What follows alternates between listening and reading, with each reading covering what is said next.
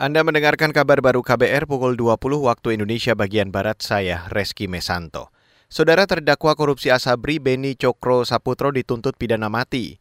Dalam sidang di Pengadilan Tipikor Jakarta hari ini, Jaksa Penuntut Umum atau JPU meyakini Beni bersalah melakukan korupsi bersama terdakwa lain terkait pengelolaan keuangan dan dana investasi Asabri pada 2012 hingga 2019.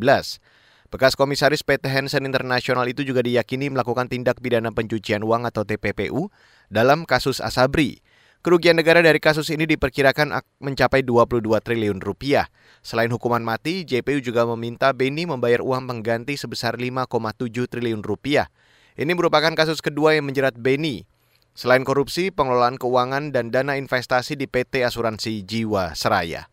Beralih ke berita selanjutnya, Saudara, Lembaga Pemantau Korupsi atau ICW menilai Ketua DPR Puan Marani tidak optimal dalam mendukung pemberantasan korupsi.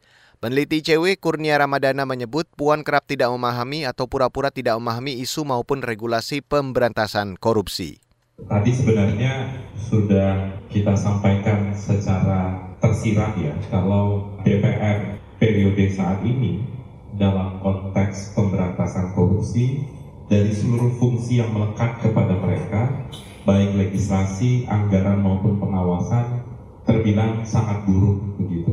Dengan kalimat itu, tentu sendirinya masuk juga pada isu kepemimpinan. Salah satunya adalah Ketua DPR RI, Puan Maharani. Peneliti ICW Kurnia Ramadana mengatakan Puan seharusnya mengetahui dan paham regulasi-regulasi pemberantasan korupsi yang dibahas di Komisi Hukum.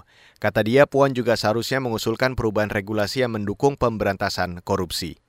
Saudara konferensi tingkat tinggi atau KTT G20 di Bali jadi momentum pemerintah menunjukkan keseriusan dalam menangani sampah plastik.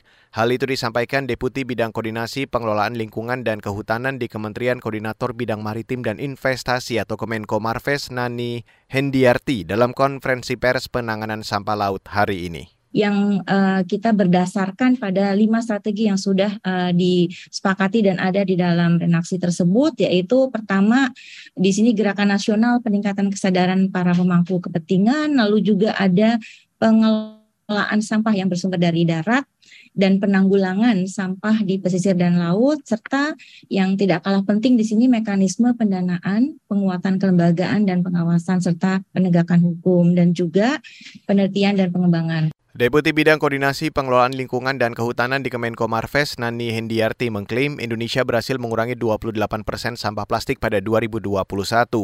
Kata dia, Indonesia telah menetapkan target untuk mengurangi sampah laut sebesar 70 persen sampai 2025. Saudara dari ajang Prancis terbuka, ganda putra Indonesia Fajar Alfian dan Rian Ardianto melaju ke babak 16 besar. Mereka mengalahkan wakil India Arjun dan Kapila.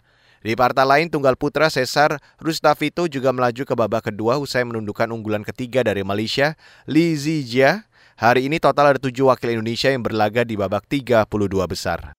Dan saudara, demikian kabar baru saya Reski Mesanto.